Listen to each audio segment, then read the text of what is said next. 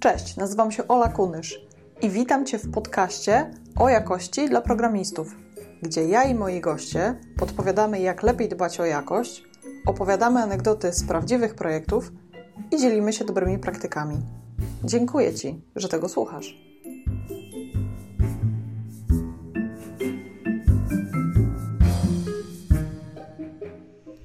Wszystko, yy, Krystian pisze, że wszystko gra. Super. A Marcin wysyła ci głupią minę. Możesz sobie odpalić gdzieś YouTube'a e, z boku, żebyś też widział komentarze. Albo może lepiej nie.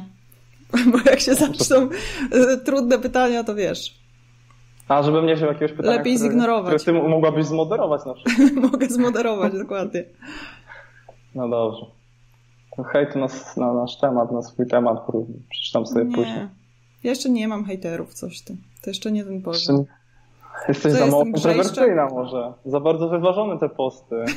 tak. Muszę bardziej mieszać. Wkładać kij w mrowisko. Wywoływać kontrowersje. Dokładnie. Na przykład obrazić kogoś w polskim Obrazić kogoś. Rzucić się komuś do gardła. To jest ta droga. Możesz zhejtować jakąś konferencję za brak diversity. Tak zrobię, tak zrobię następnym razem. Dobra, bądźmy poważni. Przyszliśmy tutaj rozmawiać o poważnych rzeczach. Ja się nazywam Ola Kunysz, jestem programistką i to jest podcast, e, znaczy to jest webinar, który też jest podcastem Rozmowa o jakości. E, ja oprócz tego, że programuję, to trochę piszę i występuję i dzielę się wiedzą w ramach szkoły testów. I w ramach szkoły testów właśnie jest ten webinar. E, I dzisiaj naszym gościem jest Michał Śliwoń, który od ponad 10 lat zajmuje się tworzeniem oprogramowania w przeróżnych dziedzinach i językach.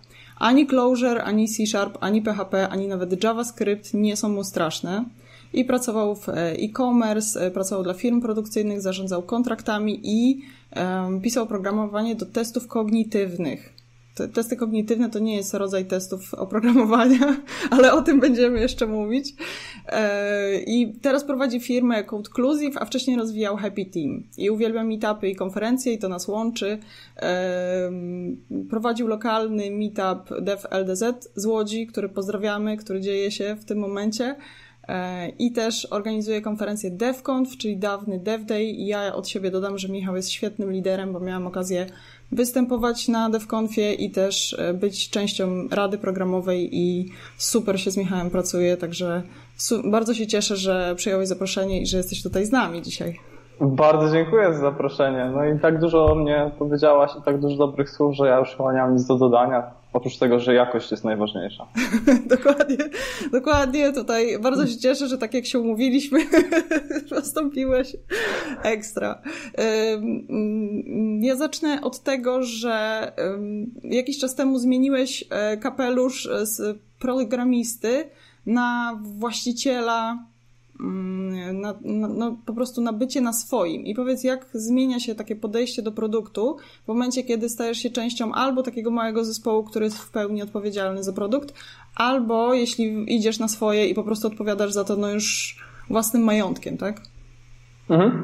E, no to pewnie różnica jest taka, jak, e, jakie są różnice różnych ról w, w jakiejś dużej firmie, to znaczy każdy ma jakąś tam swoją odpowiedzialność za to, co się wytworzy.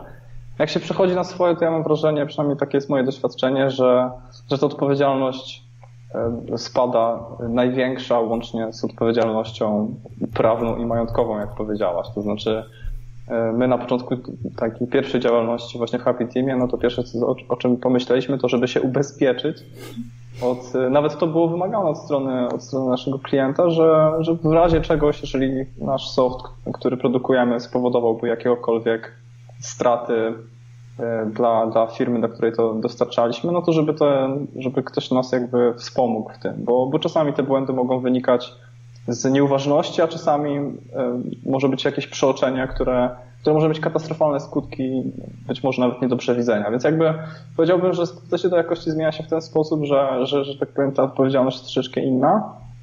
E, wydaje mi się też, że troszeczkę inaczej czuć tą odpowiedzialność. To znaczy, ktoś nas traktuje jak, jak partnera i, i chce, żebyśmy dostarczyli mu jakiś soft. E, często są to ludzie, którzy z poziomu technicznego jakby nie występują, tylko są po prostu mają albo jakiś dobry pomysł, albo mają już jakąś machinę uruchomioną do tego, żeby wyprodukować soft. Więc występując z roli eksperta technicznego, jeżeli coś mówimy, że coś zadziała albo coś jest dobrym rozwiązaniem, no to jakby oczekuje się od, od nas tego, że, że tak powiem, weźmiemy odpowiedzialność za te nasze słowa. E, jeżeli mówimy, że coś dostarczymy, jeżeli mówimy, że coś będzie działać w taki jakoś określony sposób, to tak naprawdę na koniec dnia nikt nas nie będzie e, słuchał z naszymi, e, tam, z naszym tysiącem wymówek pod tytułem a, bo nie przewidzieliśmy, że ta biblioteka zadziała w inny sposób niż myśleliśmy. No, na koniec dnia będzie ważne, czy to działa, czy nie. Więc to po naszej stronie leży te, leżą te wszystkie E, jakby pomysły na temat tego, w jaki sposób ten soft przetestować, czy to automatycznie, czy to ręcznie, w jaki sposób mieć samemu pewność, że, że, to, że to działa. Mhm. A zmienia się jakoś piramida testów? E, jeśli chodzi o tą piramidę testów, to wydaje mi się, że ona się głównie zmienia nie dlatego, że, że przechodzimy na swoje bądź nie, tylko jakimi zasobami dysponuje projekt. E, czy to są zasoby czasowe, czy to są zasoby personelowe, czy jak, jakie mamy jakby pod ręką możliwości. To znaczy, w idealnym świecie pewnie my wszyscy jako, jako programiści, ja mówię z perspektywy teraz programisty, to chcielibyśmy wszystko otestować, wszystko zautomatyzować, najchętniej razem z UI-em, ale tak, żeby nie było to zbytnio problematyczne. E, ewentualnie zatrudnić jeszcze tam z 10 testerów, żeby mieć stuprocentową pewność, że wszystkie bugi wykryjemy zanim to pójdzie na produkcję. Natomiast no, praktyka pokazuje, że to może nie być wcale takie wykonalne. To znaczy, e, czy to presja czasowa, czy to w ogóle brak e, kogoś, kto mógłby nam to przetestować, powoduje, że no, piramida się morfuje, przekształca, różnie ona może wyglądać. Ja bym powiedział tak, że, że to, to, to, co się nie zmienia, to dla programisty e, istotne jest to, żeby mieć jakiekolwiek testy automatyczne. E, unit testy i testy integracyjne wydaje mi się, że to jest coś, co, co każdy powinien robić, obojętnie z jakimi e, ograniczenia, ograniczeniami czasowymi się mierzy. Natomiast potem ta dyskusja na temat tych smaczków, czy, czy to ma być E, testy na początku, a potem dopiero kod, czy kod, a potem testy, czy pokrycie ma być 50, czy 60, czy 89%, to już jest kwestia wtórna i to, to bardzo zależy, powiem jak konsultant, to, to zależy od projektu, czy co jest, co jest dobrym, pragmatycznym podejściem. No bo tutaj mierzymy jakby czas tego, ile nam zajmie wyprodukowanie softu, e, do tego, jaką no, na to nam przyniesie korzyść w postaci tej naszej pewności. No bo tu chodzi o to, żeby zwiększać naszą pewność, że to, co dostarczymy, będzie, będzie dobrej jakości. Mhm. Powiem tak, że nawet jeżeli mamy pokrycie tam 99% testów i tych testów napisanych powiedzmy 900, e, to nie jest to gwarancja tego, że wszystko tam działa w dobry sposób. Nie jest to też gwarancją, że wyprodukowaliśmy tą rzecz, która rzeczywiście jest potrzebna naszym e, potem już użytkownikom. Nie? Mhm. Dokładnie. Pisałam o tym nawet ostatnio na blogu Szkoły Testów, że y, no, code coverage można sobie zapewnić tak naprawdę wywołując tylko metody w teście. Tak naprawdę nie, nie trzeba niczego sprawdzać. Więc wystarczy, że po prostu sobie wywołamy wszystkie metody już mamy 100% coverage, a pytanie, jak jesteśmy pewni, że nasz soft nie zawiedzie na produkcji, prawda? Najlepiej wywołać tą, tą taką najbardziej topową metodę z góry, która przejdzie wszystkie ścieżki w miarę. Tak, e, nie mokować niczego, tylko po prostu wywołać, no. Tak, i mamy bardzo duży cover. Także jeśli macie w projekcie potrzebę wysokiego coverage'u, to wiecie, co z nim zrobić. To po prostu wtedy wywołujecie tą jedną metodę w teście, voila, idziecie po podwyżkę. Tak. No ale to jest jakiś taki, wydaje mi się, że jeżeli się to robi przez, przez jakiś czas, to znaczy pisze się testy i próbuje się jakoś zautomatyzować e, właśnie to, to testowanie aplikacji, zapewnienie takiego tego e, ochronnego, nie wiem, parasola nad naszym softwarem, no to po jakimś czasie uczysz się tego. To znaczy, uczysz się tego, że ok, TDD spoko, natomiast e, kiedy jest dobrze go użyć, kiedy nie. Test coverage extra, natomiast e, w momencie, kiedy przesuwasz jakby ten wskaźnik od 96 do 99%, to zastanawiasz się, czy, nie, czy to nie jest, wiesz, para w gwizdek trochę Czy rzeczywiście zwiększa się jakość tego programowania i swoją pewność, czy tylko po prostu zapewniasz sobie taki komfort psychiczny, że ojej, robię taką wspaniałą rzecz, piszę testy, nie? zapewniam większy coverage i to na pewno jest stymulujące bardzo, natomiast są też inne sposoby na to, żeby poprawić sobie samopoczucie. Dokładnie. Poza tym, no, to co mierzymy, to rośnie, tak? Więc jeśli patrzymy na Y, jakby tą jedną liczbę, która mówi o y, code coverage, to no będziemy podświadomie dążyć do tego, żeby ona była jak najwyższa, jeśli to nas rajcuje w jakikolwiek sposób i sprawia nam frajdę. No, to piękna wizja.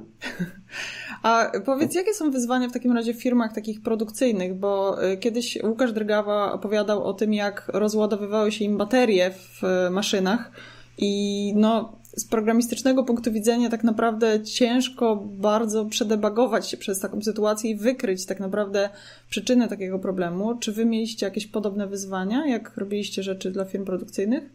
Ja nie wiem, czy mieliśmy wyzwania z bateriami, natomiast e, to, co, to, to czym ja się zajmowałem w firmie produkcyjnej, to, było, to było pisanie softu do, do projektowania transformatorów. I to jest tak, że, że tam ta jakość jest e, kilkupoziomowa, kilkuetapowa, można powiedzieć. Znaczy pierwszą, jakby to, że twój soft w jakiś sposób działa, to jest, to jest jedna część tego, tej układanki. To znaczy on produkuje coś, on produkuje jakiś design transformatora, który potem e, jest jeszcze przez szereg e, dodatkowych procesów testowany. To znaczy taki, taki transformator, który zostanie wyprodukowany, on jest, on ląduje w testrumie. Tam, są, tam się dzieją jego testy, tak naprawdę. Odporność na wyładowania na przykład elektrostatyczne, czyli po prostu e, Zeus go piorunami e, zaczyna układać i sprawdzają, czy ten, ten, ten transformator w taki sposób wytrzyma. Więc jakby e, my mieliśmy o tyle komfort, że soft, który pisaliśmy, to istnieje już na rynku no, za 30 lat prawdopodobnie. Więc jest bardzo duża bateria jakby tych gotow, jakby projektów, które, które powinny działać w kolejnych wersjach tego systemu, czyli testy regresywne, które mogliśmy pisać. E, mieliśmy to zadanie ułatwione, natomiast w każdym momencie, w którym wkraczaliśmy w jakieś nieznane rejony, to my nie byliśmy w stanie powiedzieć jako programiści, ponieważ e, osoby, które wymyślały nowe sposoby obliczeń do, do tych transformatorów, e, też nie wiedziały, czy ich hipotezy są słuszne. Więc jakby to było testowanie kilku rzeczy naraz, to znaczy hipotez tego, czy, czy te nowe projekty będą w rzeczywistości się dobrze sprawdzać. Powiedzmy, że na papierze w ich obliczeniach wychodziło ok. My to potem jakby musieliśmy przenieść na, na grunt jakby tego softu i sprawdzić, czy jeden krok wstecz, czy to jest zgodne z ich jakby projektami, a potem już rzeczywiste projekty fizyczne musiały zostać przetestowane jakby właśnie w tych testrumach, czy, czy będą odporne na te warunki, które są krytyczne dla, dla takiego transformatora, bo on musi tam powiedzmy w polu stać 30-40 lat, no na tyle, na tyle ma gwarancję powiedzmy. Mhm. A te, te strumy mieliście jakoś blisko siebie, jakoś na miejscu? No jeden jest w Łodzi, jeden testrum jest w Łodzi, kolejny, który ja odwiedzałem jest w Szwecji, w Ludwice. Tam one są przyczepione do tych głównych fabryk transformatorów w Europie, no częściej w tym momencie w Chinach, bo tam się dużo rzeczy e, wynosi. Natomiast no tak, wizyta w takim testrumie to, to jest dosyć dobre przeżycie. To jest ogromna hala, w której, w której Zeusz strzela piorunami transformatory. Wyobrażam sobie, że jest to nieziemskie przeżycie. To jest zdecydowanie nieziemskie przeżycie. Natomiast my jako, my jako jakby drużyna, która pisała oprogramowanie, ściśle współpracowaliśmy z osobami, które tam miały po, każdy po, po dwa doktoraty z fizyki E, i, i próbowaliśmy ich pomysły przenieść na grunt e, właśnie oprogramowania. No i to jest, e, to jest ciekawe wyzwanie, natomiast nie mam aż takich smaczków, że coś mnie tam bardzo zaskoczyło. To znaczy, w gruncie rzeczy był to, był to soft do napisania, sporo integracji z jakimś naszym własnym systemem takim kadowskim, do, już potem do rysunków bo oprócz tego, że obliczamy tam elektrycznie, czy ten transformator zadziała, no to potem produkujemy z tego rysunki i na podstawie tych rysunków ten transformator jest budowany. Więc cały proces tego jest, jest długi skomplikowany. No, natomiast udało mi się tam zrobić, pamiętam swoją taką dziecięcą radość, jakiś jeden projekt całkowicie w TDD. Nikt go potem nie zmieniał, nikt go potem nie ruszał. była chyba jedna jakaś e, zmiana, która e, bardzo byłem z siebie zadowolony, bo spowodowała, że tam tylko część testów się wykrzaczyła, a nie wszystkie na przykład bo takie błędy młodości tak, też, tak. też popełniałem. Wszyscy mamy takie sytuacje na swoim koncie, tak? Więc coś tam zostało zmienione. Projekt całkowicie napisany w TDD. Coverage przez to też był taki jakiś ogromny, tam 90 parę procent. E, natomiast z przykrością muszę stwierdzić, że ta aplikacyjka jakby nie była na tyle krytyczna do działania całego systemu, że mało kto ją, to była taka weryfikacyjna rzecz i mało który projektant, który miał powiedzmy jakieś swoje deadline, używał tej, tej konkretnej aplikacji. Więc tak naprawdę można by się pokusić o pytanie, czy ona dobrze działa. To znaczy, może nikt jej nie używa, bo działa tak perfekcyjnie, zgodnie ze specyfikacją, a jest tak bardzo mało używana, że. Nie wiadomo, Tego nie wiesz. To zostawmy. Historia to oceni. Historia to oceni. Więc tak, no, y, to, to był ciekawy czas Mhm. Ale też na pewno mieliście takie wyzwania, bo mówisz, że tam e, kilku doktorów fizyki, e, tam zakładam, że jakichś architektów też mieliście i to nie takich od software'u, tylko e, też takich od rysunku i no mm, operacje na elektryczności to też na pewno mhm. wymagało innego rodzaju e, inżynierii. E, jak komunikacja, powiedz, wyglądała w tym projekcie? Nie mieliście takich wyzwań związanych z komunikacją? E, no mieliśmy wyzwania związane z komunikacją, no bo mówimy troszeczkę innymi językami, tak? To są, e, to są powiedzmy ludzie, którzy mają ogromne doświadczenie, ale też im się wydaje, że jakby ta, samo to programowanie to jest jakiś tam dodatek do, do, do tych ich wspaniałych idei. No no. Jak oni tak mogą myśleć? Nasze, tak, nasze ego cierpiało. No wiadomo. Natomiast e, no, oni napisali część tego systemu kiedyś dawno temu w Fortranie i uważali, że to jest wewnętrzna, że w zasadzie to już nic nie powinno zmieniać, a tu nagle wchodził jakiś zespół młodych, gniewnych, ktoś mówi, młodych, dynam młody, dynamiczny zespół, y, który chciał jakieś tam unit testy pisać i, i inne automatyczne testy. No się tak na nas patrzyli i mówi, okej, okay, ale popatrz, ja tutaj mam plik w MATLABie i to wszystko działa? Ja już sobie to przetestowałem. No i, i to była jedna rzecz. Y, no druga sprawa jest taka, że Część z tych ludzi powiedzmy miała ogromne doświadczenie, część z nich e, też, e, też była młodymi, gniewnymi, którzy chcieli jakby czymś zabłysnąć. E, no ja też pamiętam, że, że byłem zaangażowany w taki projekt, który się okazał totalną klapą, ponieważ osoba właśnie odpowiedzialna za to, żeby te wzory wymyślić, no siedziała, ślęczała, ale cały czas te jej własne testy nie przechodziły. Ja tam powiedzmy te, te idee jego przelewałem na, na kod, no ale to nadal nie miało, tak powiem, ani rąk, ani nóg. E, więc jakby komunikacyjnie, no to, to już byliśmy, w, w, wylądowaliśmy w war roomie, no. Posadzono nas obok siebie na długie dwa tygodnie. Siedzieliśmy po prostu dzień w dzień, głową w klawiaturę. Jeden z jednej strony, drugi z drugiej. No ale to się nie udało. To znaczy, mieliśmy właśnie, tak jak mówię, mieliśmy ileś tych e, istniejących już projektów z dawnych lat, które powinny nadal działać, bo, bo w takiej firmie produkcyjnej, tak żeby dać troszeczkę szerszy obraz, chodzi o to, żeby z jednej strony wymyślać coś innowacyjnego, z drugiej strony, żeby to, co się robiło wcześniej działało, no i balansować tym, że chcemy mieć jakieś oszczędności, na przykład, no nie, może zrobimy cieńszą blachę tego tutaj ściany transformatora, no ale z drugiej strony może wybuchnie, jak będzie zbyt duża temperatura, więc e, no, jakoś trzeba to wyważyć. I jakby, no i wszystko, co testowaliśmy co z poprzednich lat, no to, to nie miało szansy zadziałać. Więc ta super innowacyjna idea się, się nie powiodła. No i pewnie jakbym ja bardziej rozumiał fizykę, jakby mój kolega bardziej rozumiał, co ja robię, to może byłoby nam łatwiej. Ale to też nie jest gwarancja tego, że, że to by się udało. Tak, jeszcze musi być chęć po obu stronach. Tego, żeby współpracować jakoś razem?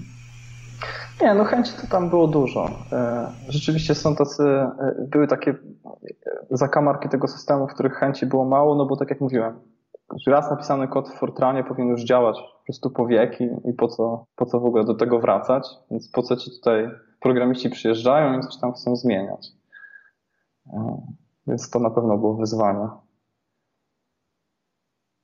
Ale mówiłeś, że z programistycznego punktu widzenia to nie był taki najbardziej y, trudny, wymagający projekt. To co było? Co było najbardziej wymagającym projektem? Mhm.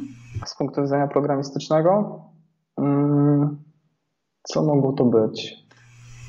Mm, bo z mojego doświadczenia wynika, że e-commerce jest takim dość trudnym rynkiem i ja trochę się tak ocknęłam, e, jak zaczęłam pracować w e-commerce, bo tam e, i jeśli chodzi o wydajność, i jeśli chodzi o szybkość dostarczania i reagowania na, na potrzeby rynku, to dla mnie to było takie wyzwanie. To może. Wiesz co? E, zależy, jak na to spojrzeć. To znaczy, to, to co, co ja miałem to, gdzie ja trafiłem, jeśli chodzi o ten rynek e-commerce, no to powiedzmy programistycznie też nie było jakimś wyzwaniem.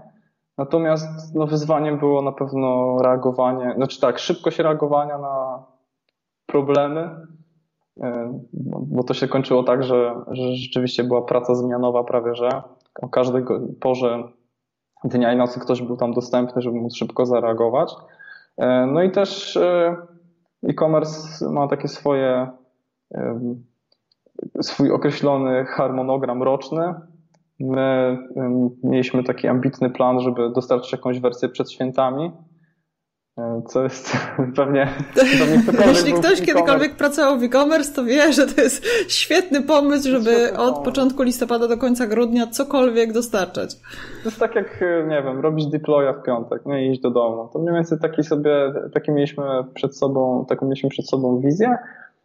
No i to było, to rzeczywiście to był challenge. No, to, to jest tak, że mieliśmy zespół podzielony na, na skowronki i sowy i przekazanie sztafety było gdzieś między trzecią a czwartą. Jedni szli spać, drudzy się budzili i dalej, że tak powiem, ten kod y, oczywiście jakościowo, bez zarzutu konstruowali, prawda? E, więc jakby tam nie było, tam było po prostu dużo rzeczy. Tam, tam nie było jakiegoś rocket science, e, natomiast było po prostu presja czasowa. Więc jakby z tego tak bardzo nie wspominam. Szczerze mówiąc, to, to, to ten soft, który robiliśmy w, dla firmy produkcyjnej o tajemniczej nazwie ABB, e, to, to było jakby więcej zwojów mózgowych zostało przeze mnie użytych, żeby zrozumieć, co ja tak naprawdę robię i dlaczego i po co jak, jak coś tam policzyć, niż, niż w e-commerce tamtym konkretnie. Więc jakby poza tym to też był taki czas, że, że, że ja byłem powiedzmy w pierwszych tych, nie wiem ile tam, pierwszych lat programowania się zalicza do tych najbardziej stymulujących, ale ewidentnie jeszcze myślałem o tym, żeby pewne algorytmy pisać samemu, bo, bo może zrobię to szybciej na przykład, albo żeby, żeby może mm -hmm. użyć niestandardowych algorytmów, y, może albo innych bibliotek zupełnie niż były mi podane na tacy, bo może wyszarpię gdzieś tam jakąś milisekundę. Natomiast ta milisekunda w tamtym przypadku nie miała zupełnie znaczenia, a w e-commerce już, już by miała. Tylko w mhm. e-commerce jakby troszeczkę czymś innym się trzeba było kierować, żeby tą milisekundę wyszarpać. Tam już bardziej architektura systemu miała znaczenie niż, niż to, jakiego ja algorytmu użyłem. Oczywiście nie do wszystkiego, ale nie wiem, naj, naj, najdroższe były tam gdzieś operacje dostępu do pliku albo generowanie jakiegoś pliku, jakiegoś PDF-a i tak dalej, i tak dalej. To są takie drogie operacje w tych rzeczach, którymi się zajmowaliśmy. Natomiast e, w ABB, czy, czy, kto, czy powiedzmy projektant poczeka 4,5 minuty, czy, czy 5 minut na to, żeby rzeczywiście jakieś skomplikowane operacje mu się e, policzyły albo wygenerował jakiś rysunek, to nie miało aż takiego znaczenia, bo oni tak spędzi jeszcze 3 tygodnie na tym, żeby, żeby wykonać tych obliczeń bardzo dużo i jeszcze coś pozmieniać, jeszcze przeprojektować i tak dalej, tak dalej. Więc jakby to, to nie miało aż takiego wpływu. Bardziej liczyła się poprawność, a w e-commerce fajnie by było, żeby, te, żeby to wszystko było szybko. Mhm. I dużo naraz. I dużo naraz, dokładnie. A opowiesz o tych testach kognitywnych coś więcej? Tak, no testy kognitywne e, to są takie testy, znaczy ta aplikacja, z którą ja miałem do czynienia, to były testy kognitywne konkretnie dla pilotów, e, czy to pilotów wojskowych, samolotów, czy pilotów linii pasażerskich. E, i pewna organizacja w Stanach, która miała już była zatwierdzona przez, przez tą przez organizacje w Stanach udzielających certyfikatów dla tych pilotów dostarczała soft, który działa w podobny sposób, jak czasami są testy dla na przykład kierowców samochodów osobowych czy, czy, czy, czy ciężarowych, żeby okresowo ich badać, czy nadal są wystarczająco e, sprytni, czy nadal są wystarczająco, mają wystarczający refleks i tak dalej, i tak dalej. Więc tam to była taka bateria testów od matematycznych na spostrzegawczość przez rozpoznawanie wzorów i wszystko to było mierzone jakby e, na czas. Jeżeli ktoś taką baterię testów przeszedł, to dostawał i oprócz tego jeszcze był tam jakiś cały formularz e, jakby rozmowy z psychologiem, bo tacy ludzie są też prześwietlani, jeśli na temat wypalenia zawodowego, czy jakichś innych problemów z używkami i tak dalej, no to jeżeli przeszedł taką baterię testów, to może to mógł dostać odnowienie licencji na kolejne tam x miesięcy czy lat. I jakby no, tam challenge'em było to, żeby zmusić jakby ekran do, do współpracy. To znaczy. A to była jakaś desktopowa aplikacja? To było tak, tak jak na prawo jazdy, że przechodzisz, sadzają cię przy komputerze i masz wypełnić testy, tak? Mhm. Dokładnie. Pierwsza wersja tej aplikacji była napisana w jakimś C i, e, i, i kolejna wersja dostarczona na Windowsy i jakieś tam tablety Microsoftowe była już w WPF-ie. To jest to środowisko, z którego ja pochodzę. No i tam głównie challenge'em było to, żeby było pixel perfect zgodnie z tamtą poprzednią wersją, no bo e, te rezultaty testów muszą być jednakowe, czyli to, co się pojawia na tym ekranie, to musi być dokładnie ten sam test, który ktoś robił rok temu, żeby, żeby móc w ogóle porównywać te wyniki. Mhm. Natomiast jeśli chodzi o działanie tego softu, to znowu miałem duży komfort, jeśli chodzi o testy regresyjne, no bo wiedziałem, że dana sekwencja tego, co ktoś wykona, będzie miała wynik w postaci jakie, jakiegoś tam obliczenia. No i to obliczenie musi się zgadzać z tym, co, co poprzednia wersja wypluwała. Więc tutaj easy peasy. Tym nie było. Natomiast sam, sam projekt też, też bardzo ciekawy. Mhm. A przewinąłeś się przez kilka tych e, branż i, i takich dziedzin, e, gdzie jeśli miałbyś gdzieś wrócić, to co było takim twoim ulubionym miejscem? E, podobało mi się w pewnym momencie, jak tworzyliśmy jakieś aplikacje mobilne od zera. To jest coś takiego, że ok, no możemy sobie pozwolić na ileś tam testów automatycznych, ale z drugiej strony wkraczamy w jakąś dziedzinę użyteczności tych aplikacji, wkraczamy w taką optymalizację, która nie jest oczywista dla programisty, to znaczy gdzie umieścić ten przycisk, żeby żeby on rzeczywiście spełniał swoją rolę, a może ten program ma za dużo funkcji, a może w tym momencie pracujemy razem z Marcinem, którego pozdrawiam. Pracujemy razem Marcina. ze startupami i to też jest e, bardzo fajna dziedzina, ponieważ no tam ostateczną weryfikacją jest to, czy, czy użytkownik chce korzystać z naszego softu. Jak pracowałem dla firmy produkcyjnej, no to też komfort jakby wynikał z tego, że pracownicy tej firmy no byli skazani na nasz soft. Oni mogli sobie powiedzmy dwie wersje opuścić, ale i tak czy siak management powiedział, słuchajcie, no tutaj nie wiem, nowa wersja tego oprogramowania przynosi 20% oszczędności naszej firmie, co jak sobie pomnożysz przez ilość stali potrzebnej do wyprodukowania albo miedzi potrzebnej do wyprodukowania transformatora, no to to są E, bardzo dużo oszczędności, więc jakby był bardzo duży nacisk na to, żeby tego softu używać. E, wręcz przymus. Natomiast jeśli masz startup, to czy tam swoją firmę, no to czy ktoś będzie używał Twojego oprogramowania, to już jest kwestią tego, jak to oprogramowanie jest dobre, czyli jakości tego oprogramowania. No i oczywiście tego prawdopodobnie to też się wlicza w jakość, czy robi coś, co jest mi potrzebne czy spełnia moją jakąś e, rzeczywistą potrzebę. Więc ja bym powiedział, że, że te startupy są w, w tym sensie najciekawsze i najbliżej rzeczywistości. Mhm. Ale tam są ogromne wyzwania też związane z wersjonowaniem tego i e, zmieniającymi się wersjami też systemu. E, no bo nie każdy ma ochotę zrobić upgrade, a na przykład twoja nowa wersja aplikacji wymaga tego, żeby ktoś miał najnowszego Androida na przykład, nie? Czy iOS-a. Nie każdy chce zrobić upgrade. No, no, no to prawda. E, no nie wiem, wydaje mi się, że tak jak w semantycznym wersjonowaniu, e, nie wiem, możemy sobie pozwolić raz na jakiś czas na jakieś super breaking changes i wtedy przygotować naszych użytkowników do tego, że takie zmiany nastąpią. Widzimy tą praktykę, w, nie wiem, czy to w polskich bankach, czy, czy w jakichś jeszcze innych aplikacjach, że słuchaj, tam za dwa miesiące pojawi się zupełnie coś nowego, przygotuj się, na pewno to polubisz, pokochasz. Nie zawsze jest to prawdą, ale, ale przygotujemy, przygotowujemy tego użytkownika na to. E, natomiast jeśli chodzi o jakieś tam mniejsze rzeczy, no to nie wiem, sposób dostarczania jakby aplikacji w tym momencie, czy to jest platforma typu web, czy to, jest, czy to są aplikacje mobilne, jest na tyle transparentna, na tyle jakby real time, że, że, że mamy ogromne możliwości. Nie? Mamy ogromne możliwości dostarczania aplikacji do jakichś tylko części użytkowników, e, sprawdzania, czy, czy dana rzecz się podoba, czy nie, rollbackowania.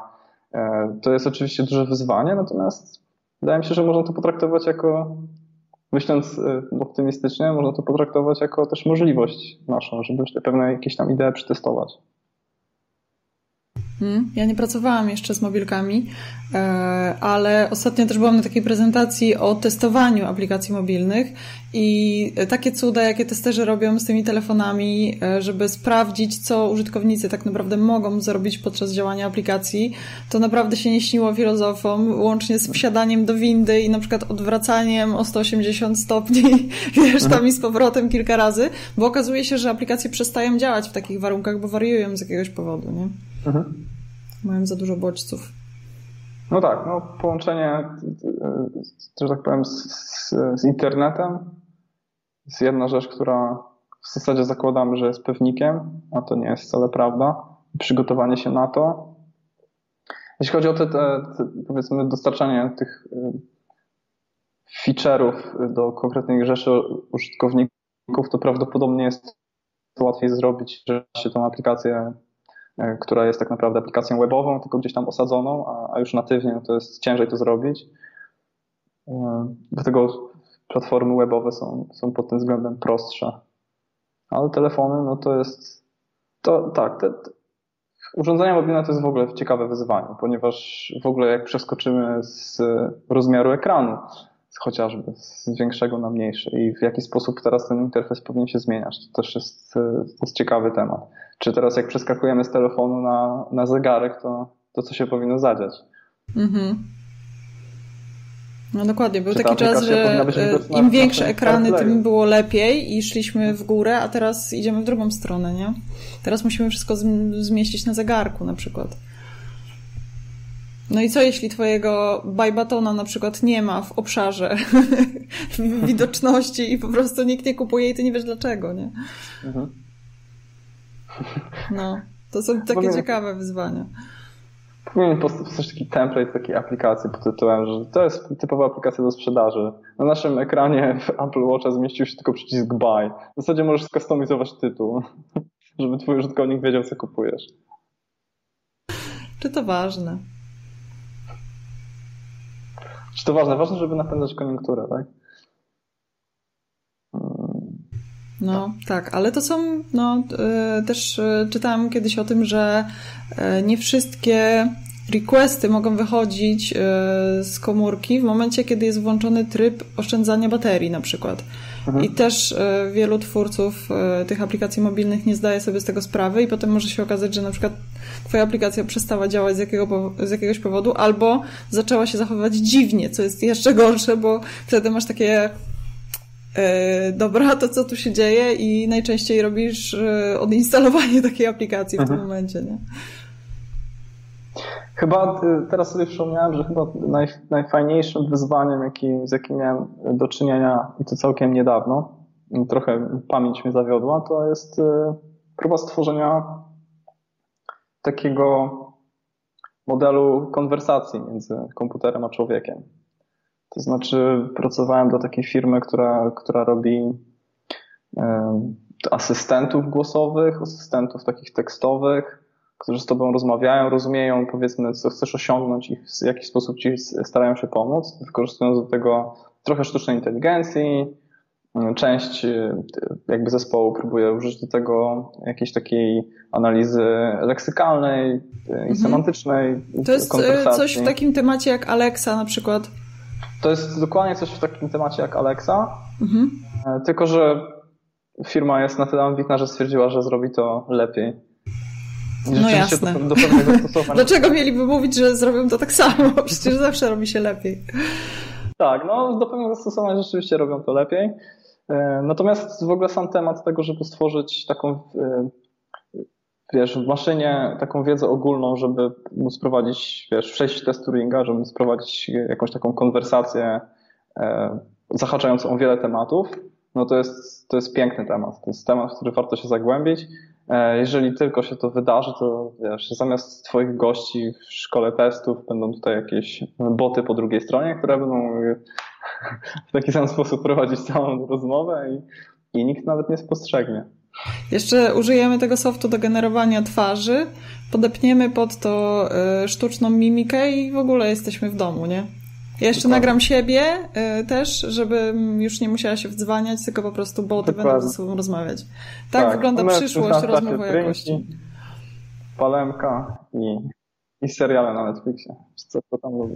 Dokładnie tak. Tak będzie wyglądała przyszłość. E, a ja chciałam zapytać o Twój ulubiony język programowania, bo e, przewinąłeś się przez sporo technologii i pytanie, czy masz swoich faworytów, bo oczywiście nie będę pytać o tych, e, o te, których najbardziej nie lubisz, tylko, tylko bądźmy pozytywni i mówmy o ulubionych w kontekście i tworzenia oprogramowania i też um, pisania testów. Oczywiście. No i właśnie, no i właśnie chyba to, co ostatnio, ten ostatni challenge, z którym miałem do, do czynienia, nie wiem, czy to mi się tak, wiesz, łączy od razu asocjacyjnie, że robiłem ciekawe rzeczy w ciekawym języku, ale rzeczywiście Clojure to jest coś, co jest bliskie mojemu sercu. No, przepiękny język. Jest, jest to po prostu Lisp. Twój kod jest, jest, jest tak samo danymi, więc można sobie go manipulować w dowolny sposób. Jest bardzo ciekawy e, mechanizm typów, czyli ich nie ma, e, a zamiast tego dostajesz e, pełen, pełen tool do specyfikowania jakby tych typów, zupełnie odłączny od języka, czyli to się nie kompiluje, ale możesz to aplikować w dowolnym momencie, kiedy chcesz, czy to przy, przy robieniu jakiejś ciekawej operacji, czy to przy testach, czyli jakby ten, ten, ten closure spec to jest to jest naprawdę e, super idea i teraz nie chciałbym właśnie wchodzić w jakimś tam language wars i tak dalej, ale jakbym miał to porównać do Haskella i, i taką silną typizację, czy tam do jakiejś skali, czy do kogokolwiek, kto, kto odczuwa silną potrzebę typowania, to powiedziałbym tak kontrowersyjnie, że, że w Clojure jakby nie jest do końca potrzebne, ponieważ Typy można definiować w jeszcze bardziej skomplikowany sposób niż jest to w takim Haskellu, ale, ale z drugiej strony nie musisz tego aplikować w momencie, kiedy program jest kompilowany. Co daje ci, e, że tak powiem, i zalety dynamicznego języka programowania i te zalety takiego statycznego typowania, bo jeżeli byś chciał, no to mógłbyś zrobić ten program w taki sposób, że on rzeczywiście w tych newralgicznych momentach te, te typy są do ciebie sprawdzane. Więc to jest ekstra. No i jest to język funkcyjny, więc e, nie wiem, czy jest, jest on jeszcze modny, czy, czy jeszcze już ta moda przeminęła, ale nie wiem, mi przypomina trochę takie czasy studenckie, gdzie, gdzie tym się jaraliśmy z, z kolegami i koleżankami, chociaż koleżanek było mało na studiach technicznych niestety. Więc, więc to, jakby to mi przypomina te czasy. I też przypomina mi taki moment, w którym jak, jak byłem gdzieś tam w, w tym świecie dotnetowym i C-sharpowym, to zachwycałem się F-sharpem, który jest takim okamlem. No to Clojure jest jeszcze lepszy, bo jest takim lispem. Jest dużo nawiasów, e, jest, jest czysty, nie zawiera zbyt dużo keywordów. Naprawdę pięknie skonstruowanym językiem. Przyjemność Mhm. A jakiego narzędzia używasz do pisania i czy sprawdza ci ilość nawiasów? Znaczy parzystość nawiasów? No, no tak, tak. No ja, y, ja w tym czasie, kiedy zacząłem pisać y, na poważniej, to niestety muszę się przyznać, ale, ale trochę się z Vima do Emaxa przerzuciłem.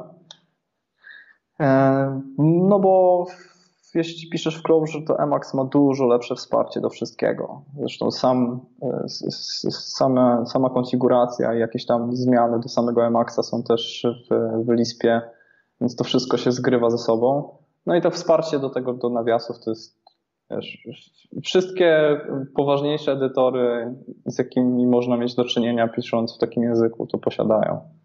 Więc to nie jest, to nie jest żaden problem. Te nawiasy są przereklamowane, jakby to powiedzieć. Znaczy, można na nie narzekać, jak się pierwszy raz y, ogląda program, ale po jakimś czasie to w zasadzie nie zwraca się na nie uwagi, tak jak, nie wiem, na reklamy w internecie albo, albo mm, na hejt na Twitterze, albo jeszcze na inne takie zjawiska. Po prostu się je filtruje, prawda? Czyta się mhm. jakby esencję. No, ja zwróciłam uwagę na te nawiasy, bo e, w dawnych czasach, kiedy jeszcze pisałam w Kobolu, to mieliśmy diamenty e, i to były problemy e, z kodem, bo tam był taki problem, że jak przerzucaliśmy, o ile dobrze pamiętam, z Windowsa jakiś plik do Unixa, to on nie do końca dobrze ogarniał e, kodowanie i e, po prostu na końcach e, linijek pojawiały się takie diamenty, które były niewidoczne w większości edytorów i trzeba to było właśnie otworzyć albo w jakimś Vimie, albo mhm. w czymś takim bardzo niskopoziomowym, żeby można było zobaczyć, żeby ukazały się oczom te diamenty, także mhm. no to były wyzwania. To teraz to jak y, na co dzień piszę w IntelliJ'u, to mam wrażenie, że y, siedzę w piaskownicy i bawię się po prostu grabkami i, i wiaderkiem, mhm. że to jest, że programowanie stało się proste już w tej chwili. Czyli w IntelliJ'u nie możesz się tam gdzieś, nie masz przełączenia na hex, żeby się prze, przez chwilę poczuć jak hakier, wtedy odpalam terminal, nie? I próbuję no. coś robić w linii komend i wtedy mam takie wrażenie, że jestem bardzo poważnym deweloperem. To jest bardzo niepopularna opinia, żeby zobaczyć diamenty odpalam terminal. Czy nie, już niestety nie widzę diamentów, ale, ale odpalam terminal, żeby poczuć się poważnie. No bo, no bo szczerze mówiąc, CRLF-y to już nie wiem, to nawet Git gdzieś tam zamienia w międzyczasie, już w zasadzie nie widzimy tego problemu. Nie? Mimo że nadal znaczki końca linii są różne na systemach i czasami ktoś siedzi na Windowsie, czasami siedzi ktoś na Linuxie, a, a jakoś ze sobą współpracujemy. To jakby część z tych problemów już nie, są, nie jest aż tak zauważalnych. A Michał, powiedz, jak ty się uczysz? Bo y, skoro tak zmieniasz technologię i testujesz różne rzeczy, to w jaki sposób nabywasz tą wiedzę? Czy to jest tak, że po prostu wymyślasz sobie jakąś technologię, siadasz i zaczynasz programować, czy najpierw czytasz cztery książki, czy co robisz? No chyba tak jak większość, albo po prostu tradycjonalnie, czyli na pewno sięgam do dobrych książek i, i zaczynam pisać, jak tylko uważam, że że już jestem w stanie cokolwiek napisać, co jest w moim przypadku bardzo szybko, bo bardzo szybko mi się wydaje, że już miałem coś napisać. To znaczy, jakieś tam podstawowe rzeczy w jakimś języku nie jest trudno. Tak naprawdę, wiesz, to dopiero miesiące w jakimś konkretnym zadaniu, w jakimś konkretnym projekcie pokazują, że to tylko mi się wydawało i wtedy nadal się uczę, ale, ale jakby siadanie do tego, żeby coś napisać jak najszybciej jest, jest dobre. Wydaje mi się, że na początku to są powiedzmy jakieś zadanka bardziej, czyli jak w języku X zrobić coś tam, a potem już jakieś małe projekciki, żeby się zetknąć z takimi bardziej życiowymi zadaniami, które są być może nudne, być może zrobiło się już tysiąc razy jakiś mały, e, małą stronę, czy mały serwer, czy małe coś tam. E, no i wtedy dalej się czyta te książki, które, które ktoś ci polecił, które uważało się za dobre do danego języka. Teraz już chyba każdy język ma jakąś, przynajmniej jedną dobrą książkę, którą warto przeczytać i czasami są one takie grube, a czasami są takie cieniutkie, jak w przypadku JavaScript The Good Part, nie? Muszę się też też pomyślałam o tej książce. Ale JavaScript tak naprawdę to jest, e, dla mnie to jest wybór numer jeden, jak zamierzam coś zrobić szybko i to jeszcze chcę przetestować na przykład y, wizualną część, y, to właśnie sięgam po, po JavaScript i HTML i y, tam zawsze wszystko działa. To znaczy, czasami się dzieją różne dziwne rzeczy, ale wszystko, co chcę, to, to z reguły udaje mi się zrobić w jakimś rozsądnym czasie. Także ja jakby ciągle traktuję środowisko takie związane z JavaScriptem trochę jak dziki zachód i jak przechodzi się z takich języków silnie typowanych e, właśnie w strony JavaScriptowe, to tak trochę na początku jest szok ale jednak do takich, no do robienia takich proof of concept albo no, czegoś takiego małego dla siebie, no to jest jednak bardzo fajna technologia, żeby coś sprawdzić. No pewnie. A powiedz, jeśli chodzi o takie materiały, które wywarły na ciebie jakiś duży wpływ, e, zwłaszcza w tematach jakości, w tematach testowania, to, to co polecasz?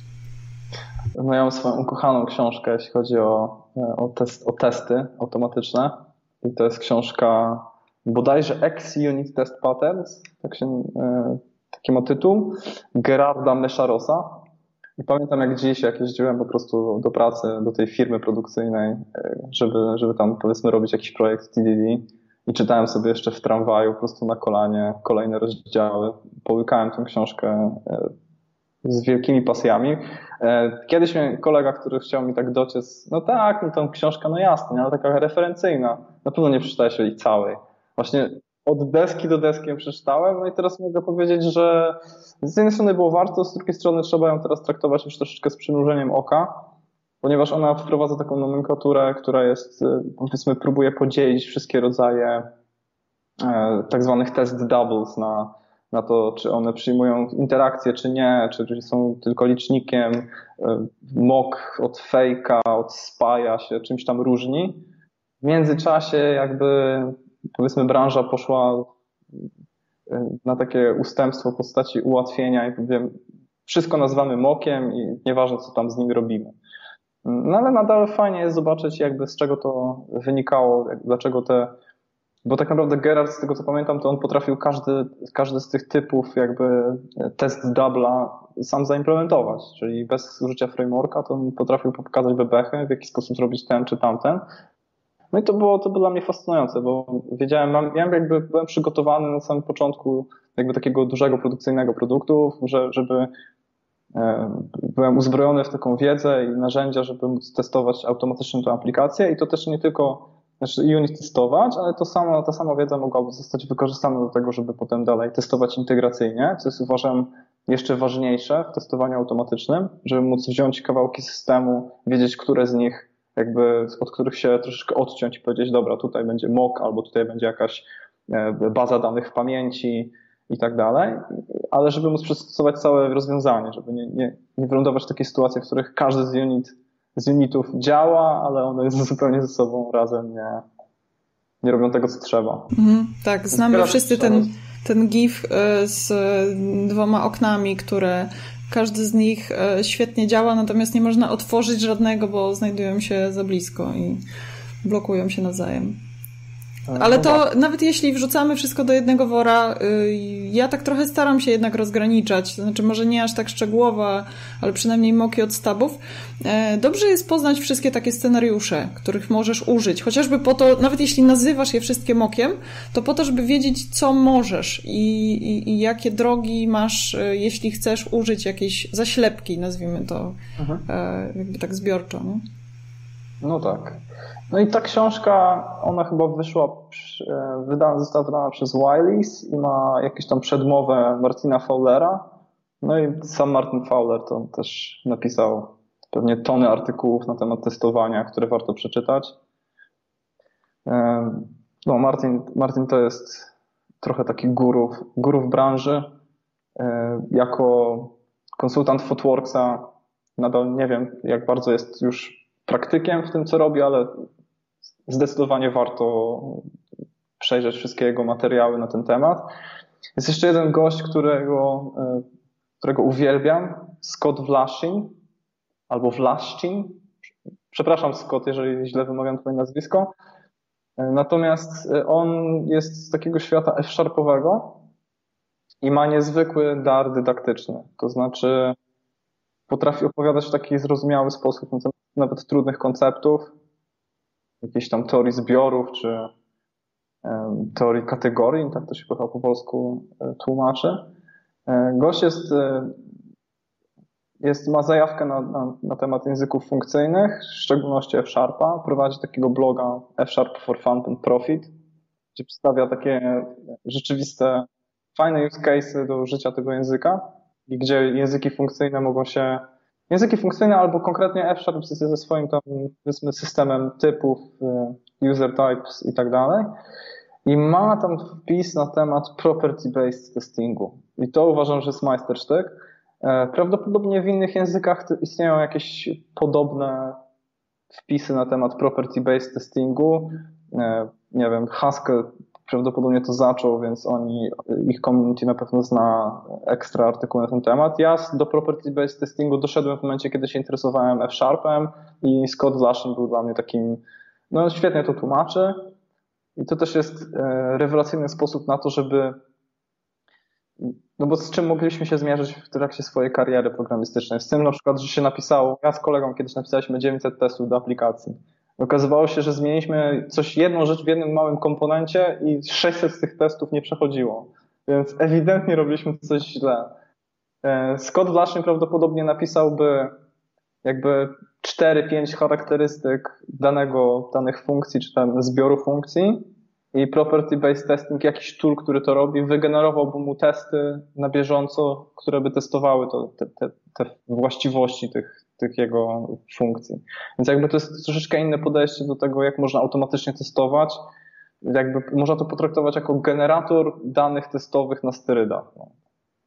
E, więc jakby to bym polecał z tym się zapoznać. Mhm. Magda też opowiadała trochę, y, jeśli ktoś oglądał poprzednie webinary, y, to Magda Stożek z Software Millu y, opowiadała właśnie o testach opartych na właściwościach i czym one się różnią od tych opartych na przykładach i też polecam wrócić do tego webinaru, ale tak, tak, tak. To jest, to jest fajny temat i też um, ja na przykład nie rozumiałam na początku, że to jest inny wymiar testów, tylko myślałam, że po prostu tak jak są unity, tak są e, testy właśnie oparte na właściwościach, a to są i, te, i mogą być i unity, i testy oparte na właściwościach. I to jest takie ciekawe wykręcenie trochę tej, e, tej idei testowania. Tak, no i gdzieś tam powiedzmy, w zależności od tego, jaki typ projektu się e, realizuje, to gdzieś na pewno się przydadzą albo jakieś takie stres testy, albo jeśli ktoś ma wspaniałą infrastrukturę, to jakieś, e, jakieś testowanie typu smoke testy, które mogą być, nie wiem, e, jakieś testy małpek, które odłączają poszczególne maszyny.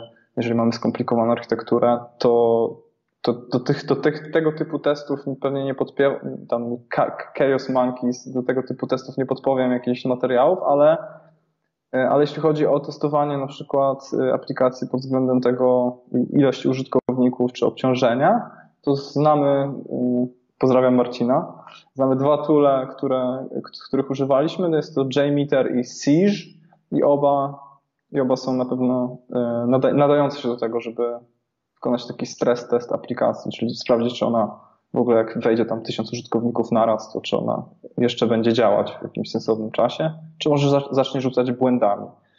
Okazuje się, że może zacząć rzucać błędami. Mhm. No my używaliśmy Gatlinga akurat do testów takich performance'owych, także też polecam. Tak, to to jest tak z, from the top of my head e, rzeczy, które mogę polecić w tym temacie. Mhm. A y, powiedz, jeśli chodzi o testowanie, o jakość, o tematy takie związane z testami, y, ale nie typowo QA-owe, tylko właśnie takie bardziej pod programistów, y, to one się cieszą dużym zainteresowaniem na konferencjach i meetupach? Zauważyłeś taką, taką tendencję, czy raczej to jest spychane na drugą stronę y, na konferencje QA-owe? Zastanawiam się, czy rady programowe są przychylne takim tematom.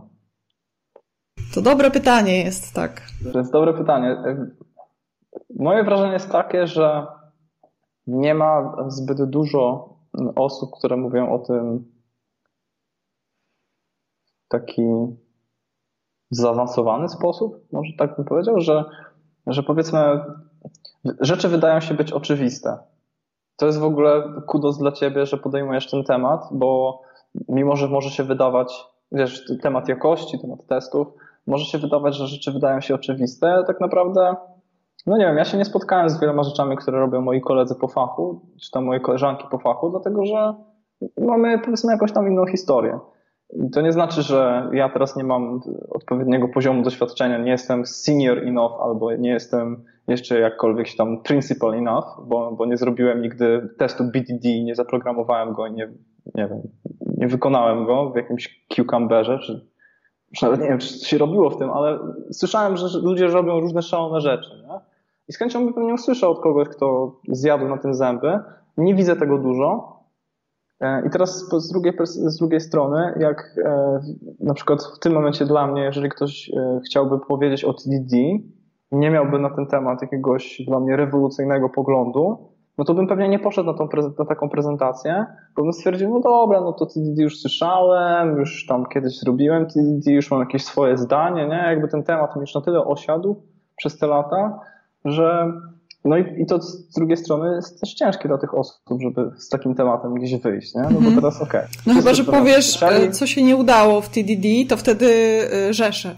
Chyba, że jesteś, dokładnie, chyba, że jesteś tym DHH-em, wpadasz na scenę, mówisz TDD is dead i nagle cały świat po prostu podnosi dyskusję, robisz sobie hangouta, wiesz, z Martinem Fullerem właśnie i dyskutujecie, no i spoko. Natomiast jeżeli się nie jest DHH-em, no to jak ja bym poszedł na konferencję i powiedział, że no to jest TDD i to się tak robi i tutaj możemy taki test napisać, a potem dopiero kawałek kodu minimalny, on na początku robi return 2, a potem dopiero zmienimy, bo napisaliśmy drugi test, no to pewnie większość publiki by mnie zjechała, by stwierdziła, że co to za w ogóle leszcz i, dlaczego takie proste tematy mówi. Wydaje mi się, że część osób, które albo wchodzą do branży, albo po prostu nikt nie miało ochoty się zainteresować TDD, byłaby mi w jakiś sposób wdzięczna, tak jak pewnie jest rzesza osób, która jest wdzięczna Tobie, że prowadzisz szkołę testów online. No, tak jest moje podejście, nie? że te tematy są potrzebne, ale ja nie widzę, żeby ich było dużo. Mhm. Ja miałam podobne wrażenie jakiś czas temu, bo weszłam przez przypadek zupełnie na prezentację, której wybierałam się do innej sali zupełnie i trafiłam na prezentację o TDD właśnie, którą robił mój znajomy. I tak pomyślałam, kto jeszcze mówi o TDD w ogóle bez sensu, nie? Przecież wszyscy to już wiedzą i wszyscy już o tym mówili i wszystko zostało powiedziane.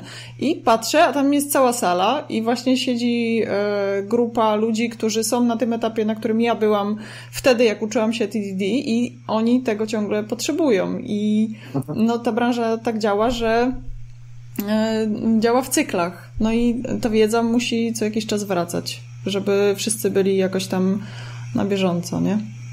Ale no, ciężko jest się przebić z tymi, e, z tymi tematami e, związanymi z jakością. E, jakby, żeby każdy miał też świadomość, że to chodzi o jakość oprogramowania dla programistów.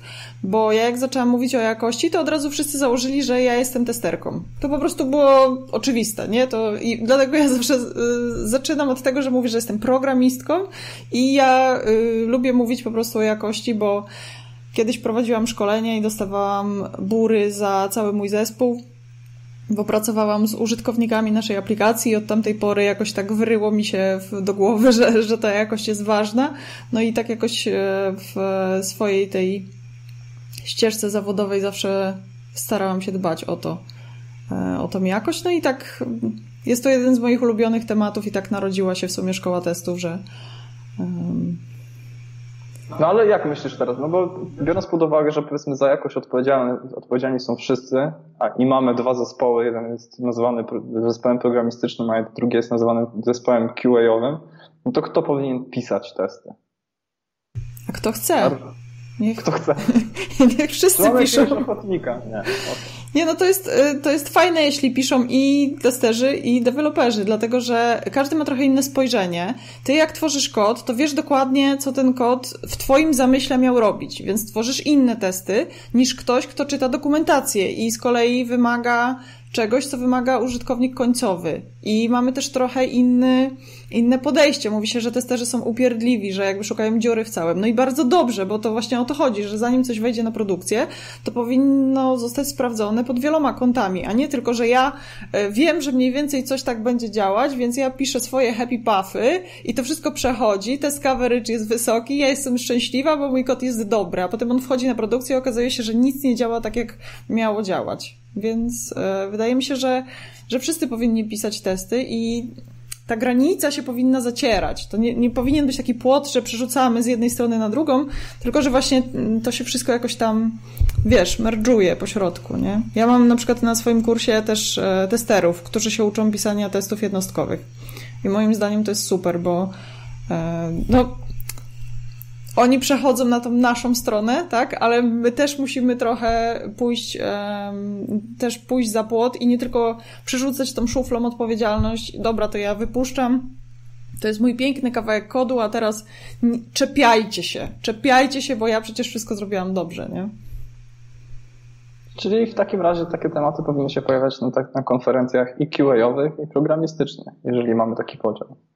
Tak mi się wydaje tak jak mówisz, też na różnych poziomach, nie? Żeby to nie zawsze było tylko TDD od podstaw i piszemy kalkulator, e, tylko żeby to też były takie mm, bardziej, no, zaawansowane problemy, że ludzie, którzy już są no. na przykład seniorami i gdzieś tam już zjedli zęby na, e, na kodowaniu, ale nie do końca się dobrze czują jeszcze w jakości, żeby też mieli się od kogo uczyć, nie? Żeby wyszedł ktoś i powiedział, słuchajcie, ja robiłem TDD przez ostatnie 10 lat i to są moje wnioski, nie? Zresztą takie prezentacje mhm. też są, tylko no jest ich dużo mniej. Mhm. Tak, no też pewnie to muszą być osoby, które mają doświadczenie takich problemach, e, do których my mamy mały dostęp, ale być może już zaczynamy o nie ocierać, albo moglibyśmy część tych praktyk zastosować u nas. Nie? Jeżeli by przecież e, mówił ktoś z Netflixa o tym, jak oni robią tą, rzeczywiście tą małpkę chaosu, albo jak, e, jakby ktoś mówił w, z jakiegoś tam Facebooka, w jaki sposób robią pewnego rodzaju testy swoich nowych funkcjonalności, to pewnie byśmy bardziej słuchali, niż jak ktoś prowadzi tam niż to jak, jakiś tam projekt, y, którego używa 20 osób na świecie, w zasadzie wszystko działa z samego rozpędu, nie? Dokładnie tak.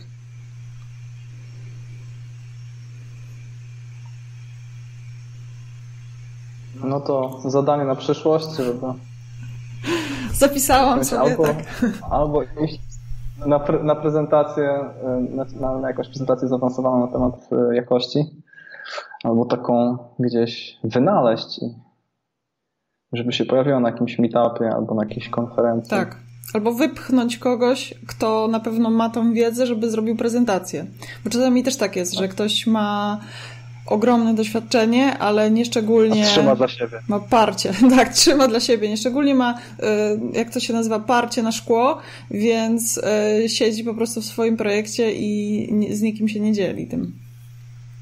Nie dostał memo, że sharing is caring. Dokładnie. Dobrze, może macie jeszcze jakieś pytania? Droga publiczności. Marek, Rafał, Marcin, Krystian. Potem się jeszcze witał. Wpisujcie miasta. Wpisujcie, wpisujcie miasta i technologię. Już nie pytam o technologię, bo zaczynały się wojny technologiczne już na czacie. Ja generalnie, ja mam kartę Jokera, więc jak, jakby co, mogę wziąć cały hejt na siebie, bo ja w tym momencie programuję w PHP, więc więc już jestem chyba chłopcem do bicia. Nie przyznawaj się nawet. To już powiedziałem, już poszło. Tak? Wytniemy to, spoko, Michał. To nie pójdzie w świat. Aha, czy to jest ten live? tak, to jest ten rodzaj live'a. Tak, powoli y, kończymy. Dziękuję Ci bardzo, Michał, za, y, za tę super historię i za podzielenie się właśnie. Sharing is caring, także dziękuję Ci za to. Dziękuję Ci bardzo, Olu, za zaproszenie. Mówię, podziwiam inicjatywę. Jestem, I'm a fan. Dzięki takim rozmowom chce mi się to robić dalej, także korzyść tak. dla wszystkich jest. To po prostu ten strumień, strumień optymizmu, który w tym momencie swoją stronę wysyłamy, nie wiem czy. Tak, dobrze. Proszę Państwa, w takim razie miłego wieczoru. Miłego wieczoru wszystkim. I miłej reszty tygodnia.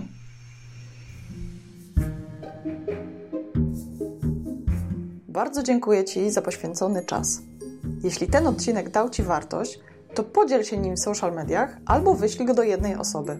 W notatkach do odcinka znajdziesz linki do bloga, kanału na YouTubie i mojego Twittera. Jeśli masz jakieś pytania albo sugestie, to napisz do mnie na olamałpka.szkołatestów.online.